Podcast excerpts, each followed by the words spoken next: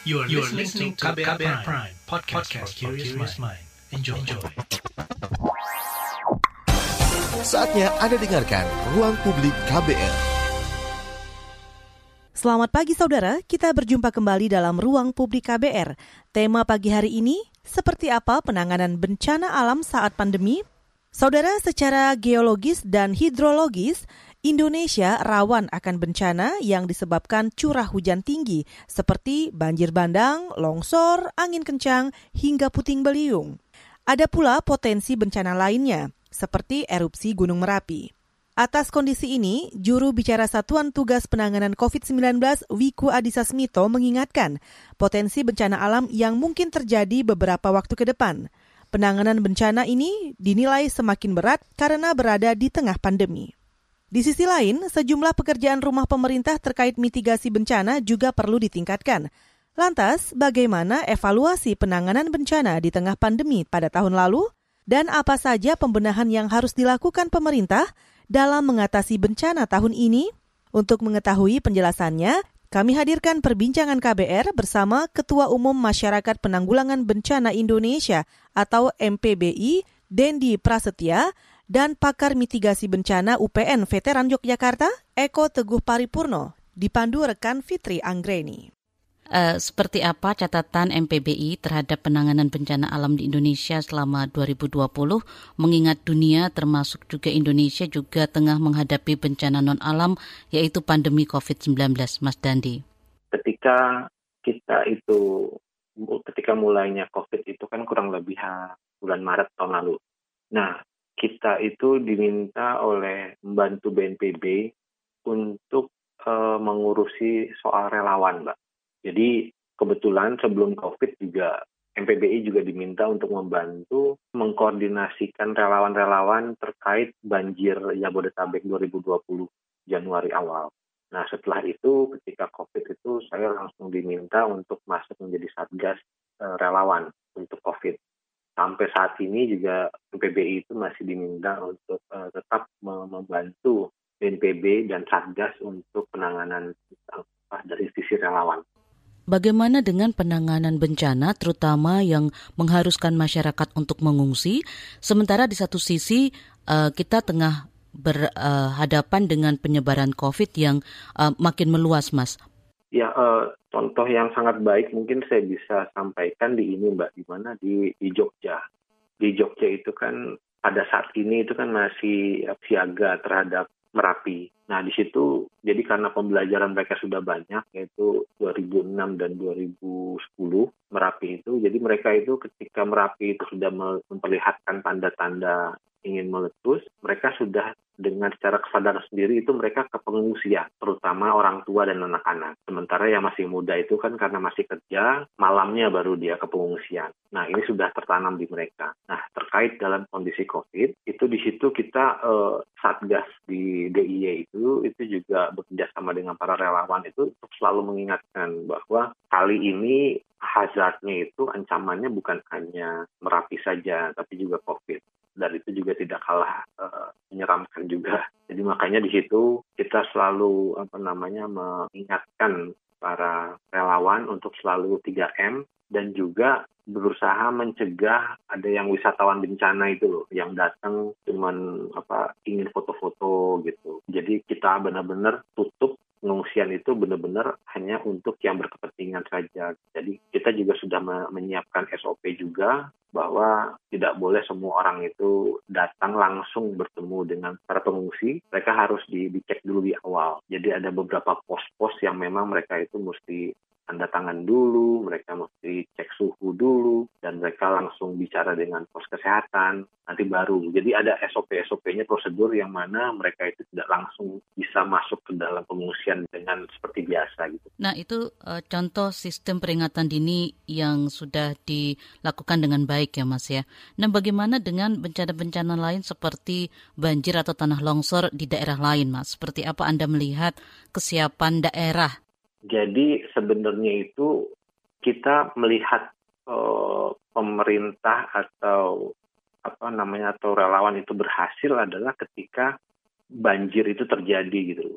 Jadi sebenarnya upaya-upaya mereka sebelum banjir itu terjadi bagaimana. Jadi ketika banjir itu terjadi itu adalah tesnya aja gitu. Jadi sebenarnya kita harus melihatnya itu dari pra bencananya. Jadi bukan dilihat ketika bencananya itu terjadi. Kayak misalnya contoh di Jakarta, alhamdulillah ini bukan seperti tahun lalu ya Mbak ya. Karena tahun lalu itu kita sibuk sekali gitu. Kalau dengan tambahnya COVID itu akan tambah-tambah pusing lagi. Nah jadi eh, peran-perannya itu adalah di mana ketika sebelum terjadinya bencana itu kita sudah melakukan mitigasi, terus juga misalnya kesiapsiagaan warga. Nah itu sebenarnya proses yang memang mesti dilakukan. Jadi ketika bencana terjadi itu adalah tesnya di situ, itu ujiannya. Gitu. Jadi selama kita melakukan upaya-upaya mitigasi, kesiapsiagaan, nah ketika mulai musim hujan dan masih banjir, tandanya upaya kita kurang. Nah upayanya kita mesti tambahkan lagi.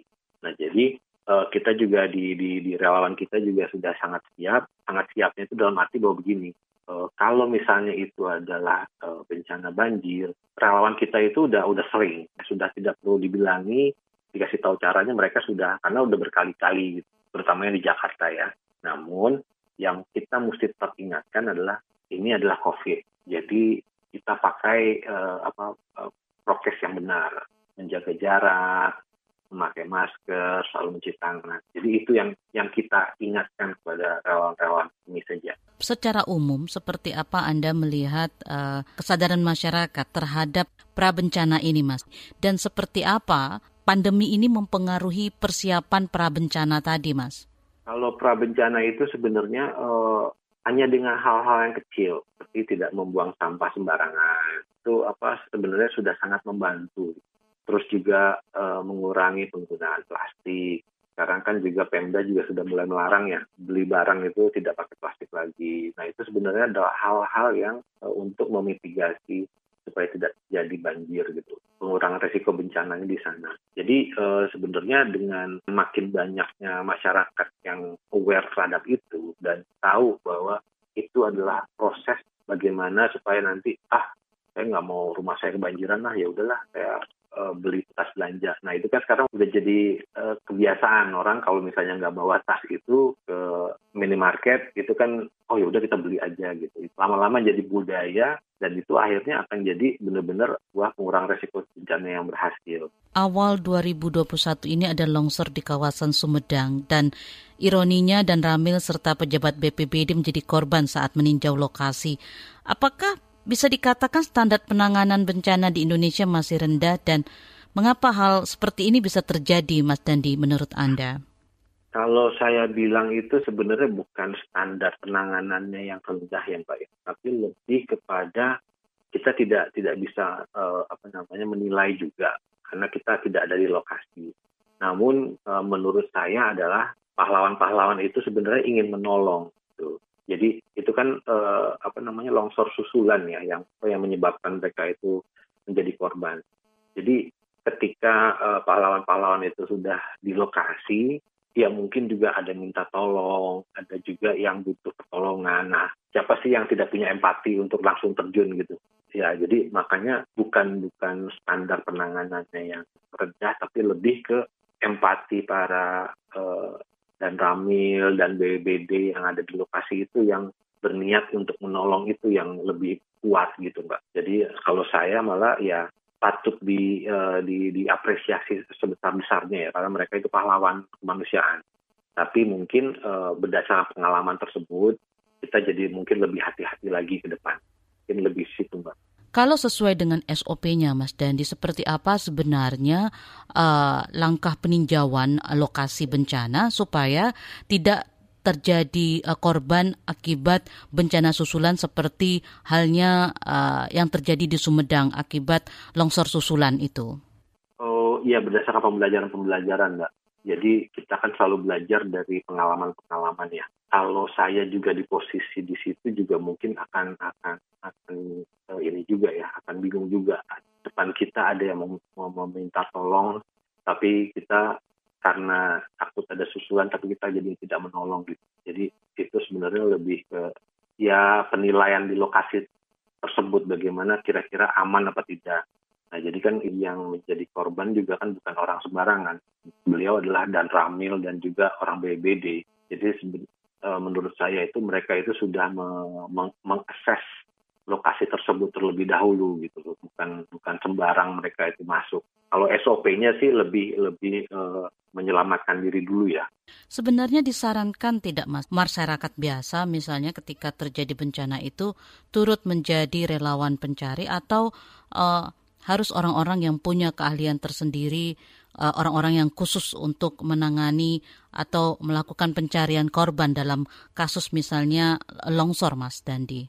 Uh, kalau menurut saya itu harus orang yang memang berkompeten ya Mbak. Karena untuk kompetensi SAR itu tidak mudah didapat. Jadi itu kompetensi yang memang dimiliki oleh tidak banyak orang. Jadi orang-orang yang memang dari search and rescue itu itu yang memang sudah mumpuni dan mempunyai uh, kompetensi dan pengalaman untuk langsung search and rescue. Jadi memang uh, apa namanya untuk relawan itu itu sangat tidak disarankan. Relawan pun ada yang punya kompetensi SAR juga ada, Mbak. Gitu. Jadi teman-teman SAR itu biasanya juga ada beberapa relawan yang mereka latih juga untuk membantu di lapangan. Tapi itu yang sudah mempunyai kompetensi khusus ya dan langsung ada di di bawahnya SAR. E, kalau relawan yang belum mendapatkan pelatihan itu sangat tidak disarankan karena ya seperti itu bisa membahayakan diri sendiri maupun orang lain.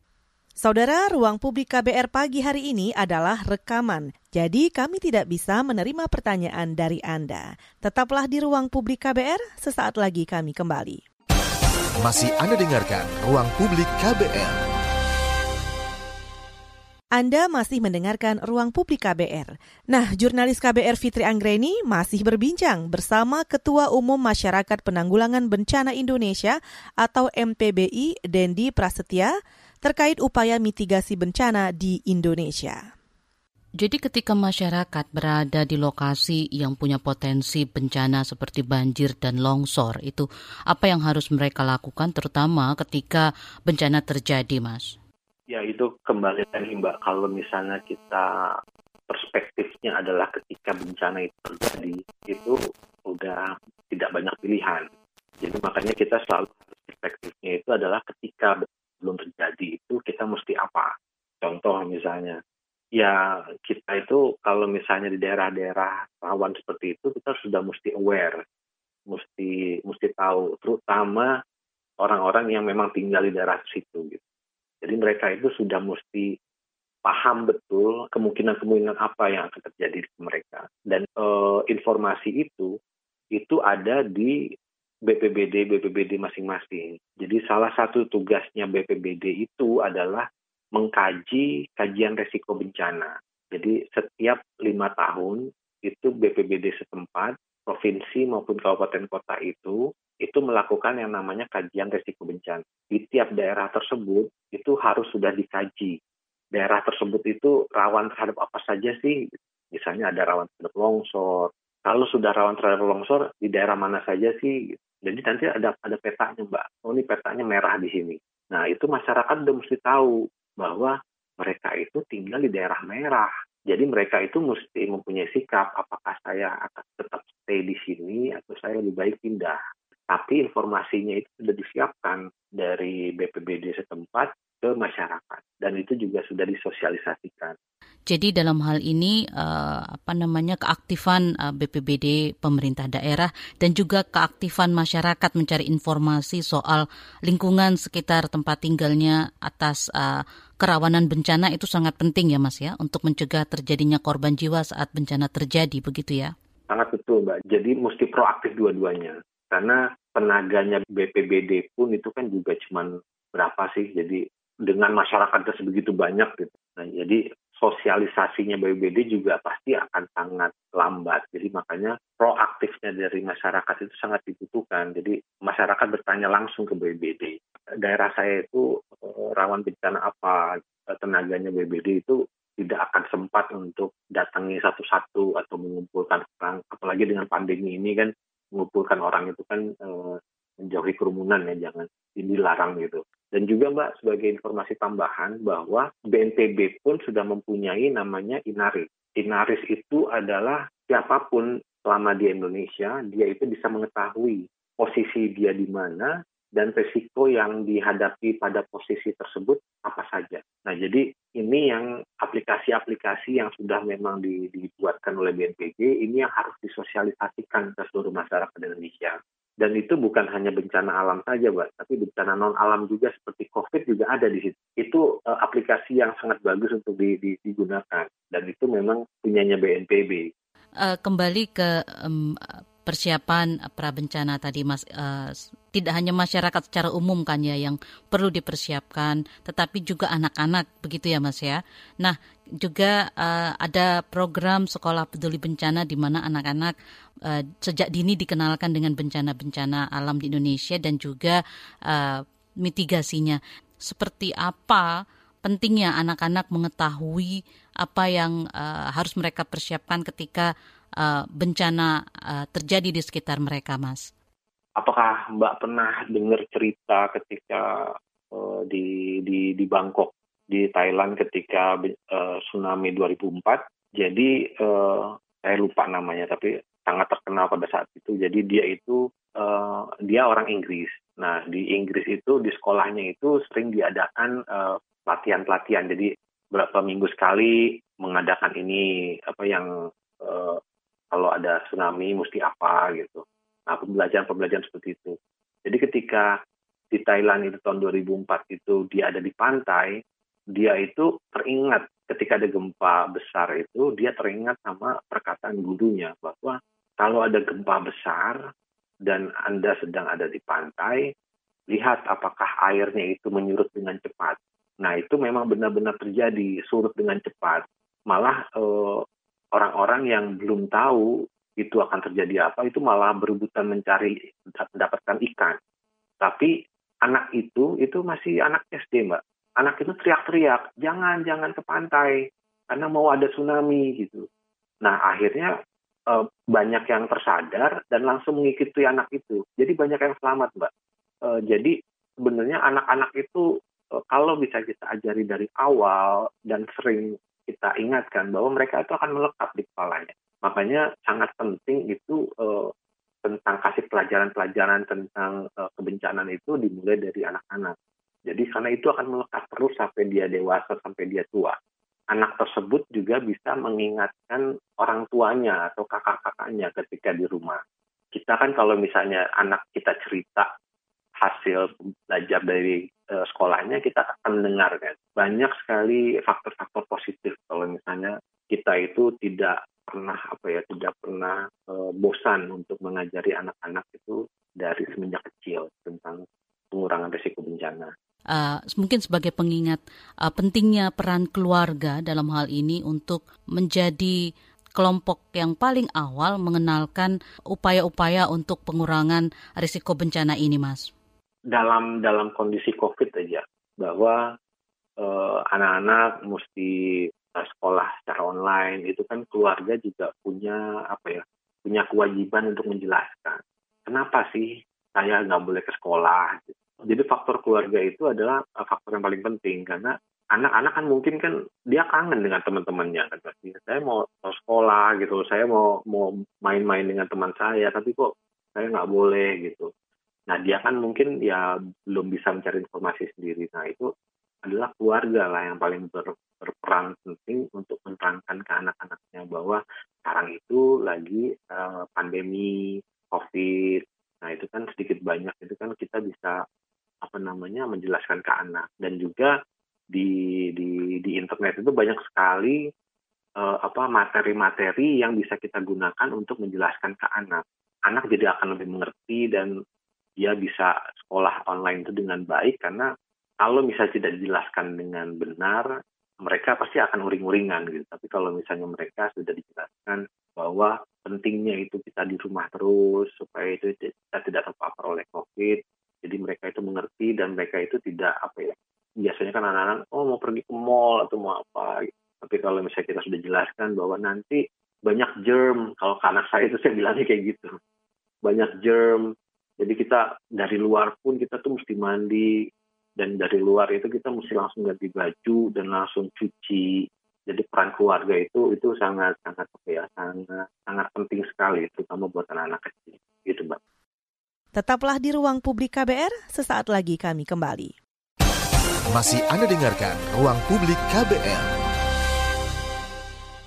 Terima kasih Anda masih mendengarkan Ruang Publik KBR dengan tema Seperti apa penanganan bencana saat pandemi? Pada segmen kali ini, jurnalis KBR Fitri Anggreni berbincang bersama pakar mitigasi bencana UPN Veteran Yogyakarta, Eko Teguh Paripurno. Mas Ete sebenarnya seperti apa upaya penanganan bencana di tanah air sejauh ini? Karena kita melihat di awal tahun 2021 ini ada longsor di kawasan Sumedang dan ironisnya ada korban yang ikut jadi uh, korban longsor susulan saat meninjau lokasi Mas Ete. Bencana itu selalu menarik ketika ada peristiwa ya. Kalau belum itu nggak menarik. Nah, untuk semua kalau saya segini ketika musim hujan tiba dan ini di, di pertengahan maka tentu uh, setiap kita itu perlu waspada itu. Nah, setiap kita yang ada di Indonesia ini sebenarnya bisa memantau tingkat uh, secara umum ya tingkat risikonya lewat uh, inaris personal. Setiap kita, individu, keluarga, bisa memantau itu kalau secara bencana umum, kalau secara lebih uh, spesifik di BMKG itu info BMKG juga kita bisa pantau. Kalau kaitannya dengan gunung, dengan uh, bencana geologi yang lainnya, kita bisa pantau di Magma Indonesia. Nah, uh, saya sih nggak ingin menyalahkan siapa-siapa gitu. Tapi yang menarik bahwa informasi-informasi yang dibuat yang sudah memadai bahkan uh, dipercaya oleh uh, banyak lembaga internasional diapresiasi begitu itu di kita sendiri juga jarang digunakan atau belum optimal digunakan gitu. Nah, padahal itu uh, menjadi penting gitu. Kalau uh, kepala daerah provinsi, kabupaten, sampai yang desa yang terkecil itu uh, menggunakan perangkat-perangkat uh, untuk mengetahui kita berisiko atau tidak itu dari hal-hal semacam itu. Selain kita juga memang perlu apa ya mencermati, mengamati daerah kita tuh uh, rawan bahaya apa sehingga berpotensi bencana. Sebenarnya setiap kita punya uh, apa ya pengetahuan dasar, gambaran tentang risiko itu. Karena kita tinggal di situ, jadi tahulah bahwa teman teman-teman yang tinggal di rawan longsor itu tahu kalau tempatnya itu rawan longsor. Di tempat yang rawan banjir tahu kalau dia rawan banjir. Di tempat yang rawan tsunami dia tahu rawan tsunami. Gunung api juga begitu. Nah, yang jadi masalah sebenarnya ketika uh, tahu dia di tempat yang berisiko, lantas uh, sedikit bisa uh, melakukan pemantauan, lantas juga bisa berbagi informasi, tapi tindakan-tindakan untuk uh, melakukan respon sesuai dengan uh, kebutuhan itu yang sering ditunda untuk meningkatkan kemampuannya. Jadi kalau di, dicermati bahaya-bahaya yang ada yang terjadi termasuk kemarin di apa longsor gitu, atau banjir itu ada. Tapi kan mesti menunggu nih ceritanya. Oh begini nunggu lagi, begini nunggu lagi, begini nunggu sampai pada titik yang kita tidak bisa menunggu. Secara umum e, masalahnya begitu. Jadi e, PR-nya sebenarnya dari memahami risiko itu cepat eh, kita mencermati memantau, mencermati membagi informasi dan cepat juga belajar atau melakukan tindakan-tindakan respon. Eh, di Jakarta kan khas banget itu. Hulu dinyatakan hujan, satu lampa, penuh. Jakarta yang harusnya orang udah mengungsi sebelum banjir datang, itu mengungsinya nanti setelah banjir datang. Ya kan gitu. Nah, kalau banjir masih untung gitu, nggak membunuh. Nah, kalau longsor kalau erupsi gunung api, nah, kan jadi repot. Jadi harusnya memang melakukan pengungsian, pindah sementara dari tempat yang berisiko ke tempat yang aman, memang dilakukan sebelum bahaya itu terjadi sehingga nggak jadi bencana. Minimal uh, menjadi tadi yang uh, apa meninggal itu jadi uh, berkurang, syukur tidak ada. Saya sih membacanya begitu kalau kalau dari runtutan uh, banyak peristiwa yang ada. Kalau dalam pandangan Anda sebenarnya apa yang menjadi tantangan uh, mitigasi bencana di Indonesia, Mas? Seperti Anda katakan tadi yang harusnya mengungsi sebelum banjir datang, sebelum longsor datang, tapi mengungsinya pada saat bencana terjadi. Apa yang menjadi tantangan sebenarnya? Ya, pekerjaan rumahnya memang itu. Kalau kita bilang bilang PR terberatnya adalah membangun kesadaran kritis bahwa penyelamatan itu dilakukan sebelum bahaya hadir. Itu kalau kita hanya berpikir penyelamatan. Artinya kita melakukan penyelamatan setelah ada warning. Warning itu bisa alamiah, bisa uh, dengan uh, alat peringatan dini gitu.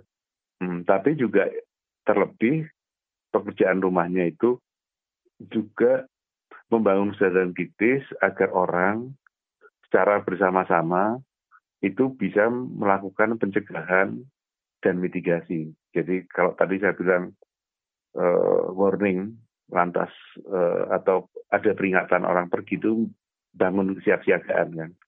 Nah lebih hulu lagi juga berusaha mencegah dan mitigasi. Nah siapa yang perlu bekerja dan berkontribusi di situ gitu. Ya paling mudah itu kalau kita menyitir kesepakatan sendai, kerangka kerja sendai itu ya semua para pihak itu punya mandat seperti itu. Baik pemerintah, masyarakat, lembaga usaha, akademisi, dan media itu punya uh, kesamaan arah untuk memastikan bahwa penanggulangan bencana itu berjalan dengan baik. Penanggulangan bencana yang yang baik itu seperti apa sih? Penanggulangan bencana yang secara sadar itu ditujukan untuk mengawal proses-proses pembangunan berkelanjutan. Nah, semuanya harus berorientasi ke situ. Tidak sebaliknya. Nah, tidak sebaliknya itu artinya kerja para pihak pemerintah, eh, apa media, akademia, eh, masyarakat, lembaga usaha itu justru meningkatkan kerentanan sehingga meningkatkan risiko. Jadi jangan kebalik, karena ada, jadi ada hal-hal yang bisa dilakukan positif, tapi ada yang negatif.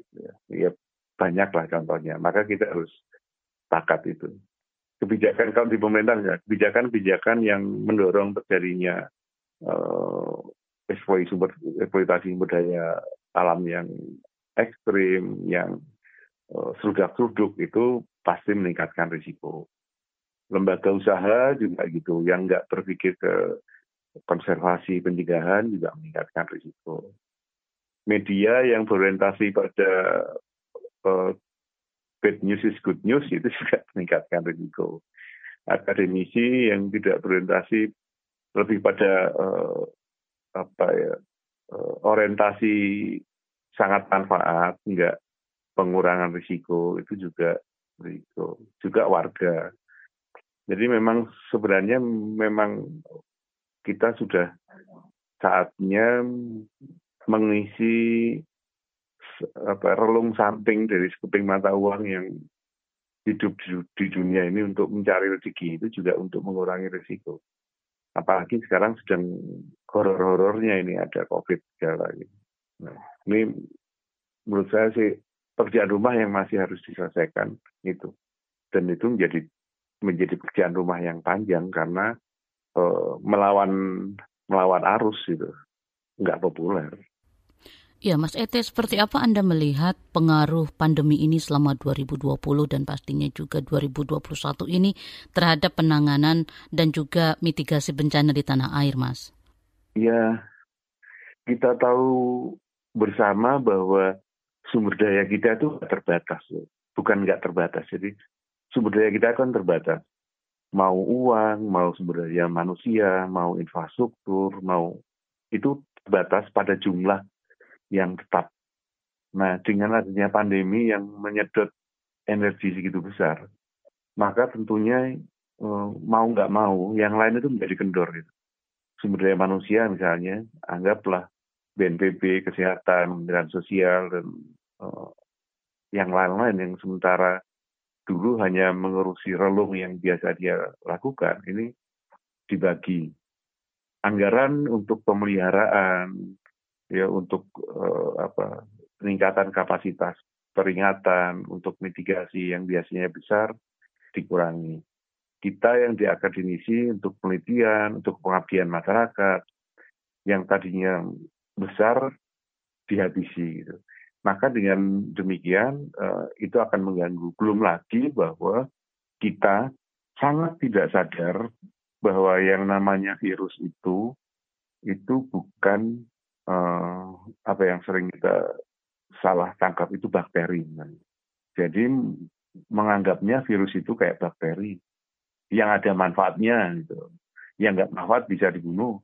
Ya, jadi si virus ini kan kalau kalau dicermati betul itu sebenarnya kan nggak berdaya kalau kita tidak apa, menjadikan dia berdaya lewat kita bertemu tapi orang masih belum percaya itu. Sampai hari ini ya eh, banyak gitu. Jadi tindakan-tindakan yang harusnya dilakukan itu untuk dilawan karena eh, kepentingan sendiri itu tidak tidak apa terpenuhi. Jadi aku enggak karena nggak bisa begini gitu. Nah, kesadaran kritis untuk itu itu menjadikan kebutuhan uh, COVID semakin besar dan menjadikan kebutuhan upaya-upaya untuk mitigasi itu menjadi berkurang. Sehingga ketika orang bilang di diskusi, Mas ini COVID-nya meningkat, kok bencananya meningkat? Hmm. Menurut saya ya wajar gitu, karena uh, sumber daya yang biasanya digunakan untuk memitigasi bencana, meredam, itu dilepas digunakan untuk COVID. Nah, COVID-nya sendiri me membesar, itu kalau saya bukan karena virusnya, tapi karena kita yang tidak punya berkesedaran sehingga membiarkan tingkat penyebarannya itu tidak bisa kurang dari satu. Kembali kami ingatkan saudara kalau ruang publik KBR edisi hari ini adalah rekaman. Jadi kami tidak bisa menerima pertanyaan dari Anda. Tetaplah di ruang publik KBR. Commercial break. Commercial break. Commercial break.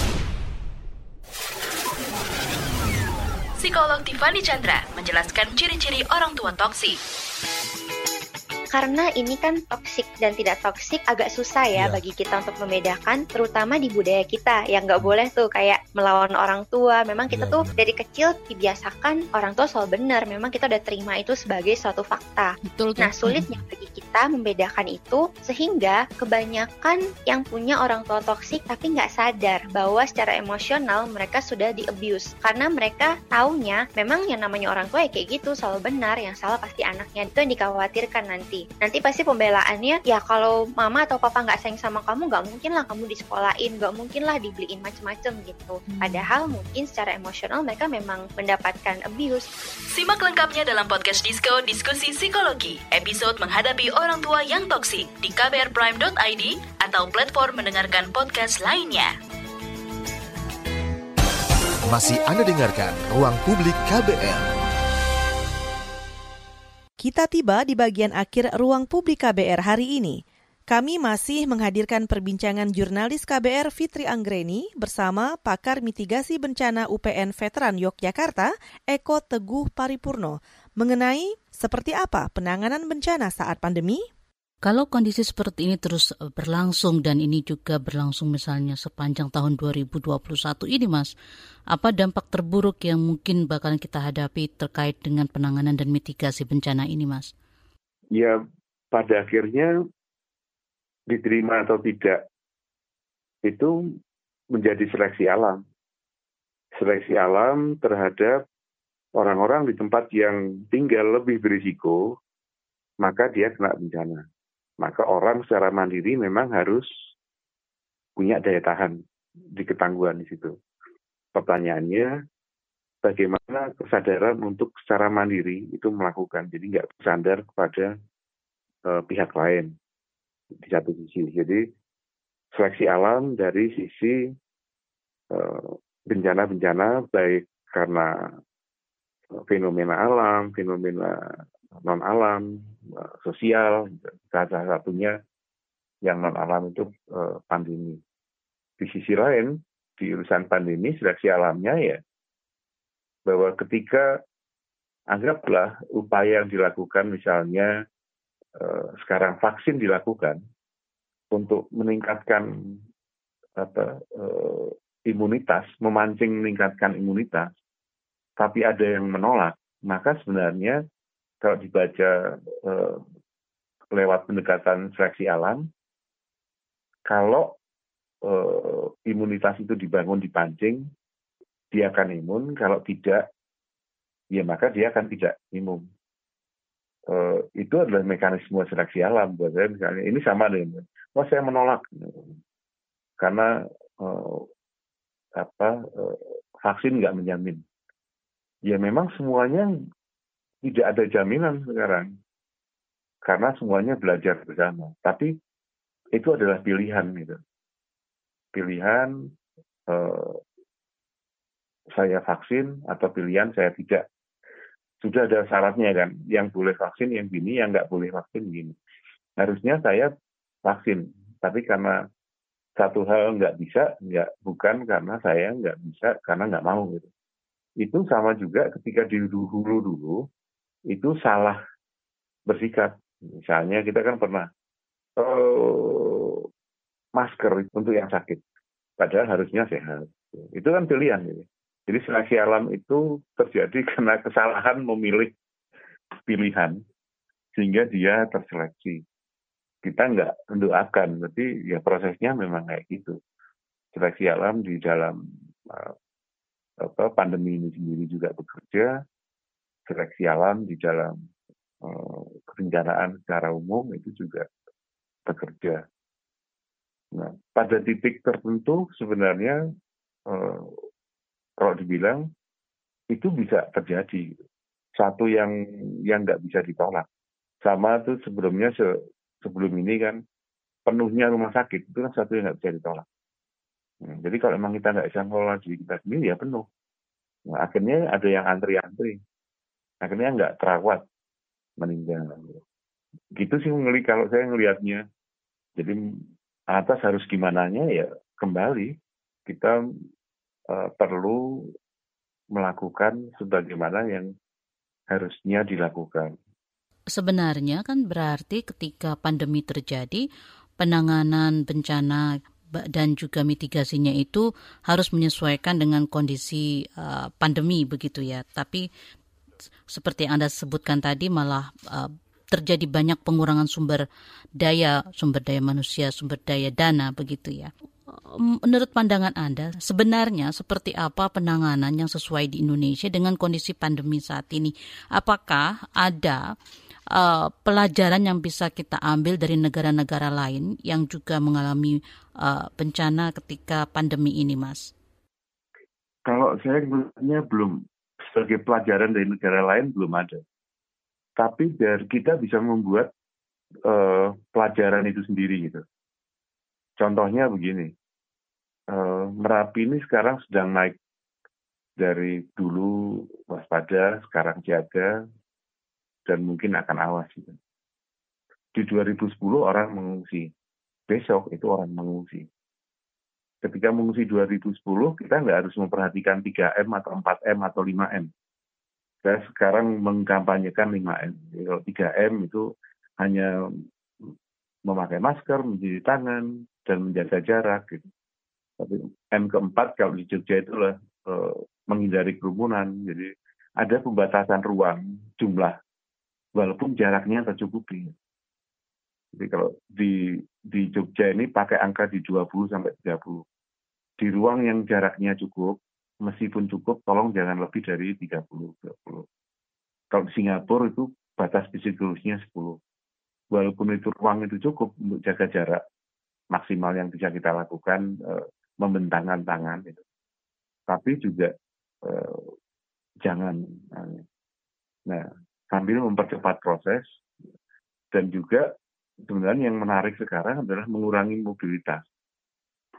Nah, itu yang diterapkan apa di diarahkan diterapkan pada mekanisme pengungsian Merapi. Jadi rencana kontingensinya itu dibuat tidak seperti hanya di ketika 2010, tapi protokol-protokol kesehatan itu diterapkan. Nah, ongkosnya uh, lebih mahal memang itu, tapi itu harus dilakukan. Dan kalau itu dilakukan, maka risikonya tidak akan lebih besar. Jadi nggak akan terjadi misalnya orang bilang alhamdulillah selamat dari erupsi gunung api, nah, tapi innalillahi ternyata kena covid karena bergerumpul nggak karuan itu. Maka itu jadi warning. Nah sama juga ketika banjir, ketika itu. Itu suatu yang sulit dilakukan jelas, tetapi uh, harus disampaikan, harus dilakukan. Jadi harus diskenariokan, harus dibuat uh, kontingensinya seperti itu. Karena faktanya di tempat-tempat lain belum ada eh, kejadian bencana di saat COVID yang menerapkan protokol. Nah, karena itu kita uh, membuat itu. Jadi mari kita membuat, merubah, mengadaptasi skenario penanganan Eh, darurat itu itu. Kembali saya bilang itu nggak gampang. Orang kadang kita itu diiming-imingi diskon masuk tempat hiburan separuh aja berani melepas nyawa gitu. kan jadi aneh gitu jadi kadang-kadang buat saya yang bekerja di di urusan kayak gitu itu jedap jedupnya itu kayak gitu. Nyawa kita ternyata hanya dihargai separuh dari harga karcis misalnya gitu kalau ke Jogja gitu eh, ada apa namanya eh, pembatasan di satu sisi gitu tapi di sisi lain ada diskon tiket gitu. jadi ya ada hirup pikuknya kan jadi apa kontradiksi antara satu dengan yang lain itu terjadi. Nah tinggal kita ngeremnya itu gimana. Tapi dalam sepengetahuan Anda, apa yang Anda sebutkan tadi, pendekatan-pendekatan uh, kebencanaan, uh, mitigasi yang menyesuaikan dengan pandemi ini sudah diadopsi uh, oleh pemerintah, Mas? Sebenarnya pemerintah sudah me menyampaikan warning itu gitu ya ke pemerintah pusat, pemerintah daerah. Kami pun juga sudah mengkampanyekan. Tapi kembali bahwa uh, bangun konstruksi kesadaran yang ada di masing-masing daerah itu berbeda-beda. Ya, jadi ada yang merespon dengan cepat, dengan baik, ada yang memang uh, apa melakukan. Sama halnya uh, lepas bagaimana tingkat tingkat apa penyebaran yang yang luas itu banyaknya bencana tapi upaya itu dilakukan. Konsep Joko Tunggu di Jawa Tengah ya, saling jaga di Jogja atau Jogja hijau katanya kalau ini jadi menjaga agar tetap hijau. Kalau provinsinya udah nggak bisa jaga hijau ya di kabupaten, nggak kabupaten nggak bisa ya di desa, desa nggak bisa di sampai akhirnya di keluarga kita berusaha untuk uh, tetap hijau, akhirnya tetap uh, apa uh, berketahanan untuk tidak tidak sampai uh, kena. Kalau kena ya jangan menyebar. Jadi optimis itu ada, saling menjaga itu ada. Di desa-desa juga sudah mulai sejak lama. Bahkan uh, inisiasi menjaga desa itu kan lebih duluan. Kalau kita simak menariknya ini kan gini, uh, menutup portal jalan, portal gang, itu kan lebih duluan dibanding negara menutup pintu masuk pariwisata. Orang menutup portal, itu beriringan dengan uh, pemerintah pariwisata mungkin masih belum menutup pintunya. Gitu. Nah ini kan contoh gitu. Jadi sekarang banyak bahkan uh, apa teman-teman melakukan itu. tadi di awal-awal Anda sempat menyebutkan bahwa setiap uh, komponen negara itu punya peran dalam penanganan uh, bencana. Nah, dari sisi masyarakat sendiri, apa yang bisa mereka lakukan ketika mereka tinggal di tempat-tempat yang potensi bencananya uh, cukup besar?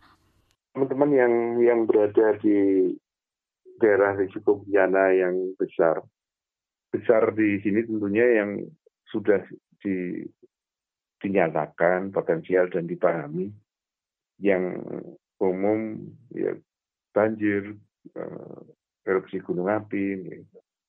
Sebenarnya sudah ada peran yang dilakukan. Gitu. Jadi saya kebetulan mencermati uh, teman-teman kawasan rawan tsunami mulai dari Padang sampai Aceh, Padang, Sumatera Utara, Aceh. Ya ada inisiatif-inisiatif uh, yang sudah dilakukan memahami itu, ada inisiatif itu, dan berupaya, berkesadaran berupaya meningkatkan uh, upaya untuk pengurangan risiko. Kalau di dalam uh, standar-standar apa uh, ketangguhan desa itu, itu mencoba meningkatkan indeks ketangguhannya lewat upaya-upaya yang dilakukan itu kebaca di beberapa gunung juga teman-teman eh, forum PRB itu juga lakukan hal itu.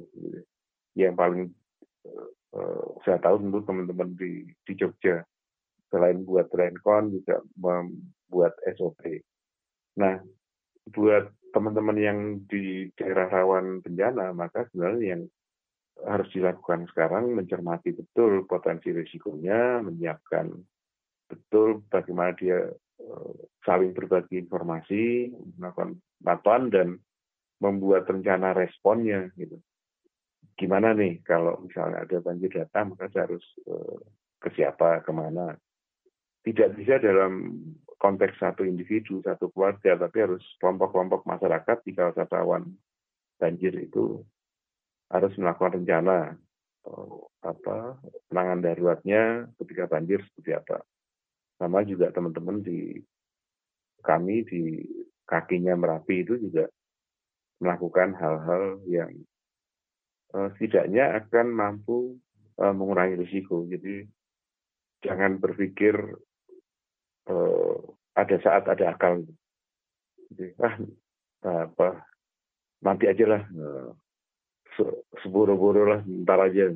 Tapi nggak gitu, tapi ada pendanaan yang kadang itu kita lupakan. Orang kalau kita mau bepergian sedang dalam kondisi begini aja kita punya rencana. Mau ke mana dan bagaimananya kok di darurat tidak kita siapkan itu kan pada naif juga itu. Tapi itu yang paling penting. Jadi setiap keluarga, kelompok masyarakat itu punya punya rencana kolektif. Nanti gimana gitu. Demikian ruang publik KBR hari ini dengan tema seperti apa penanganan bencana saat pandemi bagi Anda yang tidak sempat mendengarkan siaran ini dari awal, bisa mendengarkannya kembali di podcast kbrprime.id, lalu pilih ruang publik. Terima kasih untuk kebersamaan Anda. Saya Eka Juli undur diri. Salam. Baru saja Anda dengarkan Ruang Publik KBR. KBR Prime, cara asik mendengar berita. KBR Prime, podcast for curious mind.